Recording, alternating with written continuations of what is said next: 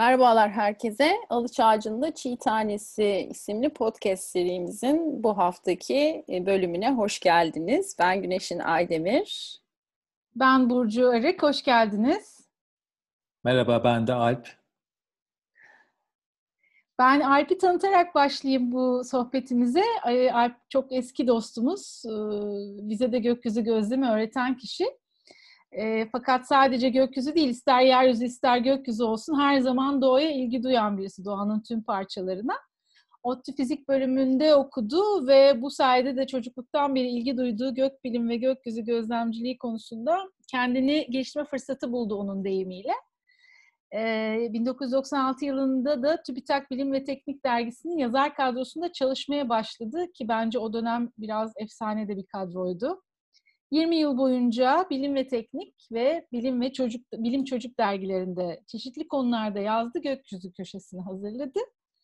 E, Alp'i şöyle de tanıyor olabilirsiniz. TÜBİTAK Ulusal Gökyüzü Gözlem Şenliği olmak üzere çok çeşitli etkinliklerde ya bizzat kendisi yaptı ya da görev aldı ve amatör gökbilimciliğinin yaygınlaşması için çalıştı. 2015-2019 yılları arasında Bilim Çocuk Dergisi'nin yayın yönetmenliğini yaptı. Şu anda da benim ve kızım Sumru'nun çok sevdiği Kafa Çocuk ve Bilim Dergisi'nin genel yayın yönetmenliğini yapıyor. Evet, e, merhaba, hoş geldin Alp. E, ben aslında şöyle bir soruyla girmek istiyorum. E, daha doğrusu daha önce şöyle bir şey anlatmak istiyorum. Yani biz aslında böyle çok e, analog bir e, kuşaktan ciddi dijital bir kuşağa geçişi yaşadık ve işte benim çocukluğumda kütüphanemizde bir tane kitap vardı. Mesela ablamın kitabı işte TÜBİTAK'ın bir kitabıydı ve e, onun ilk cümlesi şöyleydi. İnsanoğlu bir gün aya ayak basacaktır e, diyordu. Ve aslında iki gün önce e, SpaceX e, uzaya gönderildi. E, SpaceX girdi hayatımıza ve e, bayağı e, bir şeyler değişecek gibi görünüyor. Bunu sormak istiyorum sana. Bu ne anlam taşıyor insanlık için ve neden tartışıldı bu kadar?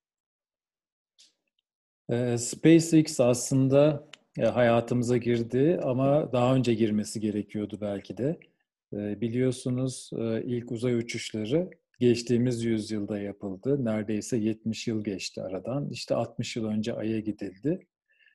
O zamandan bu yana aslında çok büyük bir gelişme kaydetmedik bence e, uzay çalışmalarında. Tabii e, yörüngeye kurulu bir takım istasyonlar e, vardı. En sonunda Uz- Uluslararası Uzay İstasyonu var şu anda. Burası bir laboratuvar aynı zamanda.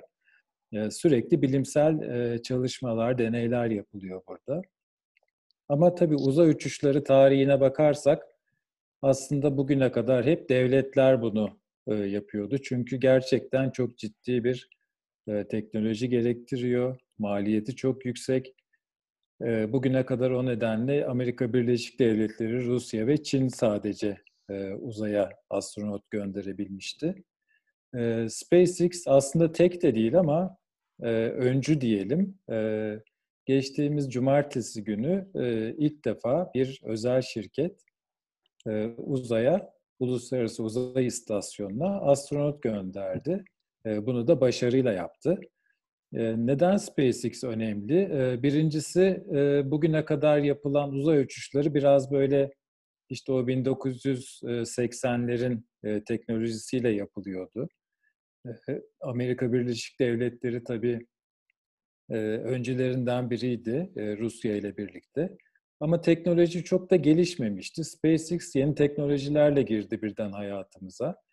E, roketi büyük e, ana kademesini, e, yakıtın çoğunu taşıyan ve maliyeti yüksek olan bir bölümünü e, tekrar yeryüzüne inmeyi, indirmeyi başardı mesela SpaceX. E, bu da çok heyecan verici bir gelişmeydi. Tabii bunlar maliyetleri çok düşürdü. O yüzden e, NASA Amerika Birleşik Devletleri'nin uzay ajansı SpaceX ile bir anlaşma yaptı. Bundan sonra Amerikalı astronotları SpaceX firması uzaya taşıyacak. Ee, neden diyeceksiniz? Ee, çünkü Amerika Birleşik Devletleri e, bu uzay mekiği programını durdurduktan sonra Rusya'ya e, gönderiyordu astronotlarına uzaya çıkabilmeleri için ve ciddi de bir para ödüyordu. E, tam miktar e, belki aklımda değil ama yaklaşık 90 milyon dolar gibi bir para ödeniyor kişi başına. Yani Rusların Soyuz uzay aracının bir koltuk fiyatı bu kadar yüksek. SpaceX bunu neredeyse yarı fiyatına yapabiliyor şu anda ve bir Amerikan şirketi. Yani e, Amerika kendi e, içinde e, uzaya astronot gönderme için tekrar SpaceX'e e, pardon e, yani kendi ülkesinde bunu yapabilmeye başladı e, tekrar. Bu çok önemliydi onlar için. Tabii uzay acaba ticarileşiyor mu uzay çalışmaları? Böyle bir kaygı var. Eninde sonunda bu olacaktı. İster turizm için olsun, ister Ay'a yerleşmek, Mars'a yerleşmek için olsun birileri mutlaka bir zaman bunda öncülük edecekti. Tabii bu e, yani ne kadar hani doğru ne kadar yanlış e, şu an öngörmek zor. E, tabii yanlış diyemeyiz aslında sonuçta bir e, uzay merakımız var ve bu giderek e, gelişiyor. E, birileri bunu önce olacaktı. O da tabii SpaceX'in önderliğinde gidiyor şu anda. Böyle benim söyleyeceğim şimdilik bu kadar. Evet zaten konu çok dallanıp budaklanabilir. O yüzden çok da fazla e, oraya takılmayalım. Ben aslında senin hikayeni de e, sormak istiyorum. E, astronomiyle nasıl buluştun Alp ve hangi yıl ODTÜ Astronomi Topluluğu'na katıldın? E, ve o zamandan bu zamana neler değişti hayatında? Astronomiyle aslında e, çocukluğunda tabii birçok kişi benzer hikayeler anlatabilir bu konuda. Özellikle bu ilgi alanını paylaşan Bilim ve Teknik Dergisi beni bilimle buluşturan ilk kaynaktı belki. Bizim eve de giriyordu dergi. Ben hep özellikle de bu astronomiyle uzayla ilgili yazıları okumaktan keyif alıyordum ve çok merak ediyordum. Yani işin temelinde merak var aslında. E, yani çocukluk zamanı başladı diyebilirim. Ondan sonra şöyle bir anım var. Bir gün annem eve bir National Geographic dergisi getirmişti. Onun bir posteri vardı. Posterde de gökyüzü haritası vardı. O posteri alıp geceleri dışarı çıkıp gökyüzünü tanımaya çalışıyordum kendi kendime. Çok da başarabildiğimi söyleyemem. Yani saatlerce bakıp bir iki yıldızın adını öğrenmeye çalışıyordum. Tabii zaman geçti. E, ODTÜ fizik bölümünü kazandım. Daha ODTÜ fizik bölümünün kapısından girdim. Bölümün içine ulaşmadan ODTÜ Amatör Astronomi Topluluğu'nun kapısından girdim. Çünkü e, bilirsiniz siz de Amatör Astronomi Topluluğu'nun odası bölümün girişindeydi o zamanlar. E, böylece e, aslında astronomiyle ilişkim e, daha oturaklı, sağlam bir şekilde başlamış oldu. O zamandan bu yana hani neler değişti? Tabii aslında benim hayatımı yönlendirdi diyebilirim. Ee, astronomiye olan ilgim e, ve orada yaptığım çalışmalar, Otomatör Astronomi Topluluğu'nda yaptığım çalışmalar e, beni e, bir şekilde TÜBİTAK Bilim ve Teknik Dergisi'yle buluşturdu. Yani e, bir zamanlar e, bana yol gösteren dergide ben çalışmaya başladım. E, ve bugüne geldik. Yani e, bir şekilde öğrendiklerimi de hep paylaşmaya çalıştım e, çevremde insanlarla, ulaşabildiğim herkesle. Evet, e, onlardan paylaştıklarından iki kişi de biziz aslında, ikisi de biziz. Ben hep şunu da merak etmişimdir Alp. Ara ara gerçi seninle konuşma fırsatı bulabilmişizdir ama bu bütün bu yıllar boyunca yani çocukluğundan bugüne geldiğin zaman geçirdiğin bütün bu sürede en etkilendiğin gök olayları hangileri oldu? Hangilerine tanık olabildin bizzat? Bunu hep merak etmişimdir. aslında gözüm bir şekilde her zaman gökyüzünde oluyor. benim için doğanın bir parçası gökyüzü. Her akşam bir şekilde bakıyorum gökyüzüne. İster evde olayım, ister dışarıda olayım. hani çok farklı bir şey beklemesem de her şey yerli yerinde mi diye sanki bir bakma ihtiyacı duyuyorum. Bir, beni mutlu ediyor. E, tanıdık bir şeyler görmek diyeyim. beni en çok etkili, etkileyen olayların başında herhalde güneş tutulmaları geliyor. Geçtiğimiz e, 1999 ve 2006 yıllarında Türkiye'de tam güneş tutulması oldu. E, iki tutulma. Bunları gözleme şansım oldu. E, bu çok ender bulunan bir e, fırsattı ve onu değerlendirme şansına sahip oldum. E, gün ortasında havanın kararması, işte mesela kuşların akşam oldu sanıp e, e, yuvalarına çekilmesi vesaire. Hani tüm bunları gözlemlemek, işte yıldızların gökyüzünde belirmesi gün ortasında çok etkileyiciydi gerçekten. Ee, yine 90'lı yıllarda iki parlak kuyruklu yıldız geldi. Onlara tanık olmak e, çok güzeldi. Onun dışında günlük olaylar da aslında beni çok heyecanlandırıyor. Bir ay ve bir gezegenin yakınlaşması, e, güneşin batışı bazen, ayı bile gökyüzünde görmek bazen heyecanlandırıyor. Peki e, nasıl gözlüyoruz gökyüzünü? Gökyüzünü gözlemek bir de ne işimize yarar? E, onu da bir sormak istiyorum. E, gökyüzünü tabii ki yani şunu söyleyeyim akla ilk gelen teleskop oluyor gökbilim deyince, gökyüzü gözlemciliği deyince. E, açıkçası bana da çok soru soran oluyor bu konuda.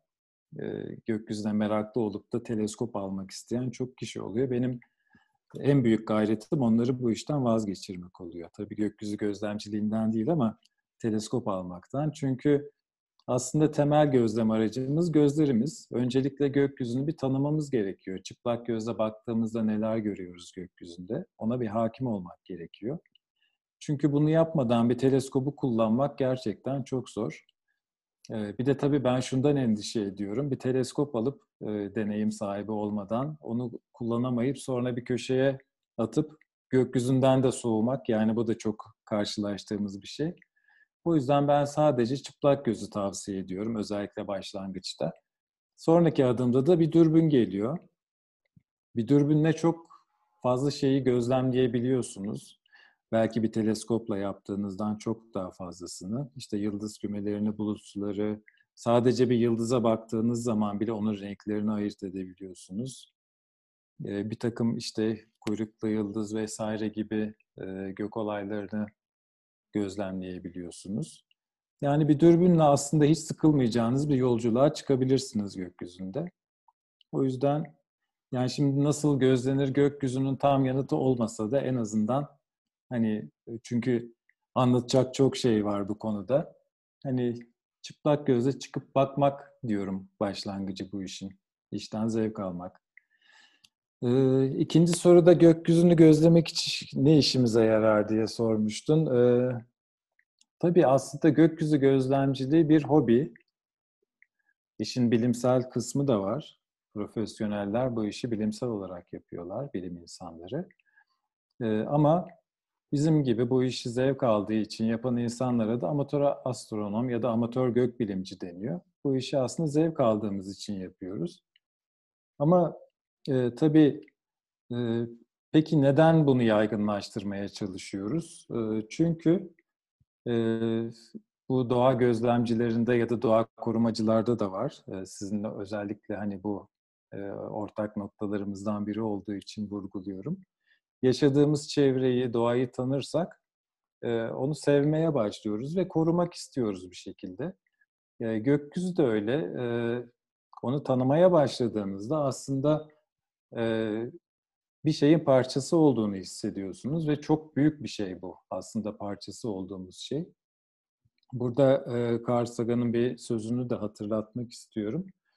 E, Carl Sagan işte bu e, Voyager uzay aracı uzay e, yaklaşık 6 milyon kilometre pardon 6 milyar kilometre uzaktan bir fotoğraf çekmişti. Dünyanın bir fotoğrafı. Orada dünya küçücük görünüyordu. Hatta fotoğrafta bir pikselden bile daha küçük yer kaplıyordu. Ona bakıp şöyle demişti. Evren sonsuzluğu karşısında, evrenin sonsuzluğu karşısında dünya çok küçük bir sahne. Yani aslında dünyada olup biten her şey geçmişten bu yana her şey o küçük e, fotoğraftaki o gördüğümüz küçük e, toz zerreciğinin üzerinde gerçekleşti. Hatta bir takım hırsları olanlar, işte imparatorlar, dünyaya hakim olanlar hepsi bu toz zerresinin üzerinde yaşadı. Yani aslında evrensel ölçekte baktığımızda o kadar küçük yer kaplıyoruz ki bu bir yandan çok güzel ama bir yandan da e, aslında çok büyük bir şeyin parçası olduğumuzu bize hatırlatıyor. E, bu nedenle de gökyüzünün, gök bilimin e, insanı mütevazi hale getirdiği söyleniyor. O yüzden aslında bu çok güzel bir deneyim bence. Hem bunu yaşamak istiyoruz gökyüzü sevenler olarak hem de bunu yaşarken de çevremize bunu tattırmak istiyoruz bir şekilde. Bilmiyorum anlatabildim mi biraz? Çok güzel anlattın. Zaten de söylediğin yani hem tevazu sahibi olmak hem de çok daha büyük bir bütünün parçası olduğunu hissetmeye o kadar çok ihtiyacımızın olduğu bir zamanda yaşıyoruz gerçekten. O nedenle sadece bunun için bile gökyüzüne her akşam şöyle bir bakmak e, ne kadar iyi gelir. Peki e, şehirlerde tabii çok ışık kirliliği olduğu için gökyüzünü gözlemek de zor ama e, yapabileceğimiz şeyler var değil mi hala yani baktığımız zaman görüyoruz pek çok gök cismini. E, tabii ki yani e, gökyüzü her zaman tepemizde. E, özellikle parlak yıldızları, gezegenleri, ayı, hatta güneşi bile o da gökyüzünün bir parçası e, görebiliyoruz. Bu e, tabii ışık durumuna göre değişiyor çünkü şehir ışıkları gökyüzünü aydınlattığı zaman görebileceğimiz yıldızların yani sönük yıldızları göremiyoruz. Görebileceğimiz yıldız sayısı azalıyor. Ama bu demek değil ki gökyüzü gözlemi yapamayız. Yani birçok parlak takım yıldızı, yıldızı, bazen parlak bir bulut suyu, yıldız kümesini, bunları hatta çıplak gözle bir dürbünle görebiliriz. Şehir merkezinden bile gözlemleyebiliyoruz. Özellikle bir takım gezegen yakınlaşmaları. Mesela geçen gün Venüs ve Ay yan yanaydı. Merkür yaklaştı onlara. Bunları hep çıplak gözle şehir merkezinden izleyebildik. Yani sonuçta tabii ki şehir dışına çıkıp karanlık bir yerde gökyüzünü izlemenin tadı farklı ama şehir merkezinde yaşıyor olmak bu işi yapamayacağımız anlamına gelmiyor kesinlikle. Evet, biz e, sürekli e, göğe bakmaya çalışıyoruz aslında ki ben İstanbul'un tam da ortasında bir yerdeyim ama yine de buna rağmen kışın Sirius'u görebiliyorum. Bu da keyif verici. Gökyüzü gözlemi yapmak isteyenler için önerilerini de duymak istiyoruz Alp. E, nerelere bakmak lazım, hangi kitapları okumak iyi olur, e, web sayfaları var mı danışabileceğimiz? Film ve belgesel önerilerin olur mu? Hem bireysel olarak yetişkinler olarak izleyebileceğimiz hem de çocuklarla izleyebileceğimiz. Tabii ki. Aslında o kadar çok kaynak var ki yani ama ben birkaçını önerebilirim. Tabii belgesellerle başlayayım. Mesela yine bana gökyüzünü ve bu astronomiyi, gökbilimi sevdiren Carl Sagan'ın Kozmos adlı bir dizisi vardı 1980 yıllarında. O çok etkili olmuştu benim üzerimde. Bunu tavsiye edebilirim. Yine bunun 2014 yılında yeni bir versiyonu çekildi. O da izlenebilir ki bunları şiddetle tavsiye ediyorum. BBC'nin bazı belgeselleri var. Özellikle bunlar arasından Evrenin Harikaları Wonders of the Universe diye bir belgesel vardı. Fizikçi Brian Cox'un sunduğu. Onu tavsiye edebilirim. Onun dışında birçok tabii kitap var. internet sitesi var. Kitap olarak aklıma şunlar geliyor başta. Tabii gökyüzü gözlemciliği için e, Talat Saygaç ve Mehmet Emin Özel'in yazdığı ve TÜBİTAK e, popüler bilim kitaplarından çıkan Gökyüzünü Tanıyalım kitabını şiddetle öneriyorum. Onun dışında yine TÜBİTAK popüler bilim kitapları arasında birçok gök bilimle ilgili ve gökyüzü gözlemciliği ile ilgili kitaplar var. Onları tavsiye ederim. Geceleri Gökyüzü var aklıma gelen. Uzay Kaşif'in el kitabı var. Bir de gökbilimi uzay kartları var. Bunu da tavsiye ediyorum. İçinde birçok bilgi var. ODTÜ yayınlarının güzel kitapları çıktı. Özellikle kozmolojiye, evren bilime meraklı dinleyicilerimiz Michio Kaku'nun kitapları var. Bunlar seri halinde. Bunları tavsiye ederim. Ee, onun dışında tabii Kozmos yine Carl Sagan'ın kitabı e, altın kitaplardan çıkmıştı. Onu tavsiye ediyorum. İnternet siteleri de tabii e, Türkiye'de de var. Türk Astronomi Derneği'nin sayfasına mesela girilebilir. Oradan da bir takım e, kaynaklara ulaşılabilir. Astrobilgi adlı bir e, internet sitesi kuruldu. E, bu bunun içinde amatör astronomlar ve e, gökbilimcilerin olduğu bir grup tarafından e, kuruldu. Birçok bilgi var orada da. E, bunun dışında ne önerebilirim? E, günün astronomi fotoğrafı var. Astronomy Picture of the Day NASA'nın e, altında bir site. Bunları e, belki hani şimdi e, sözlü söylüyoruz ama bir şekilde yazılı hale getirip dinleyicilerimize ulaştırabiliriz. Ee, bir de bir süredir ihmal ettiğim benim bir Instagram hesabım var ama buradan bir söz vermiş olayım o konuda da. Onu aktif olarak kullanmayı, bundan sonra daha aktif olarak kullanmayı düşünüyorum. Amatör astronomi diye. Buradan günlük gök olaylarını takipçilerime duyurmaya çalışıyorum. Harika öneriler oldu. Bunları yazılı olarak da mutlaka paylaşacağız e, bağlantı adresleriyle beraber. E, peki gökyüzü gözlem toplulukları var mı ve e, bunlar neredeler? Nasıl üyesi olunur? Bu konuda da biraz bilgi alabilir miyiz? E, üniversitede ya da üniversite dışında amatör topluluklara nasıl ulaşabiliriz? Ee, Birçok üniversitede şimdi e, topluluk var gökbilimle ilgili. E, İstanbul'un özellikle astronomi bölümü olan işte İstanbul Üniversitesi gibi, işte Ege Üniversitesi gibi ODTÜ'nün yok ama onun da ciddi bir e, amatör astronomi topluluğu var. Hemen hemen her üniversite bir şekilde e, astronomi topluluğu kurma çabası içinde en azından. E, onun dışında tabii e, bir takım girişimler de var. İşte Ankara Astronomi Topluluğu var mesela bu bir grup fotoğraf çekmeye meraklı arkadaş bunu kurdu. Çok da güzel fotoğraflar çekiyorlar, çalışmalar yapıyorlar, gözlemlere gidiyorlar. aslında küçük bir internet araştırmasıyla bu bilgilere ulaşılabilir. herkes yakınında yaşadığı bölgedeki kulüplere ulaşabilir diye tahmin ediyorum. Peki, son olarak şeyi soralım. Şu sıra gökyüzünde ne görebilir dinleyicilerimiz? Neler var? Şu sıra gökyüzünde ne görebiliriz? Şimdi gökyüzünde e, gökyüzünde mevsimleri var, onu söyleyeyim.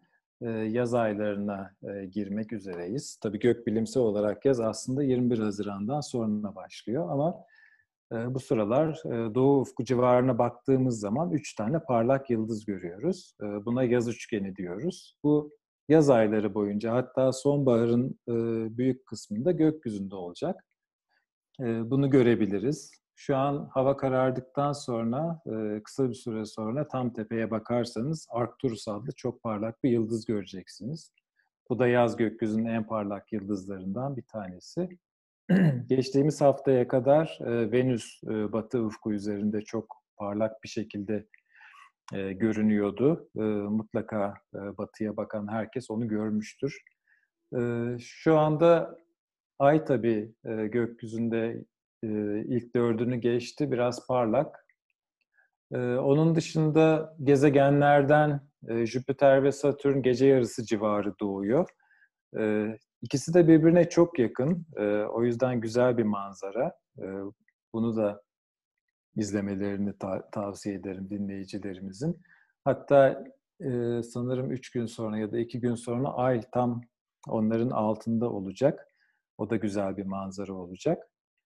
E, şu andaki e, manzara kabaca böyle. Evet, Arif çok teşekkürler. Ben de o zaman gece yarısı çıkıp o Jüpiter ve Satürn ikilisine e, bakmayı düşündüm şimdi sen söylerken. Çok e, harika bir sohbet oldu. Katıldığın için çok çok teşekkür ediyoruz. Alp çok teşekkür ederiz geldiğin için. Ayrıca bize bugüne kadar kattığın bütün e, keyifli gökyüzü gözlemleri için e, çok teşekkürler. Ben de çok teşekkür ediyorum. Gerçekten keyif aldım. Sizinle birlikte bu konuyu konuşmak da çok güzeldi. Küçük bir öneride de bulunmak istiyorum aslında tabii başından beri söyledik ama e, gökyüzünü tanımak gerçekten insana hem çok büyük bir keyif veriyor bir de huzur veriyor. Bunun nedeni de aslında gökyüzünü tanıdığınız zaman bir şey, size tanıdık geliyor. Nasıl çevreniz, yaşadığınız yer, eviniz size güven veriyorsa, e, çevrenizi tanımak, e, gökyüzünü tanıdığınız zaman da kendinizi evinizde hissediyorsunuz. Bence bu da çok güzel bir şey. O yüzden gökyüzüyle ilgili bir şeyleri herkesin öğrenmesini tavsiye ediyorum. Birkaç yıldız bile olsa bunu tavsiye ediyorum. Teşekkür ederim.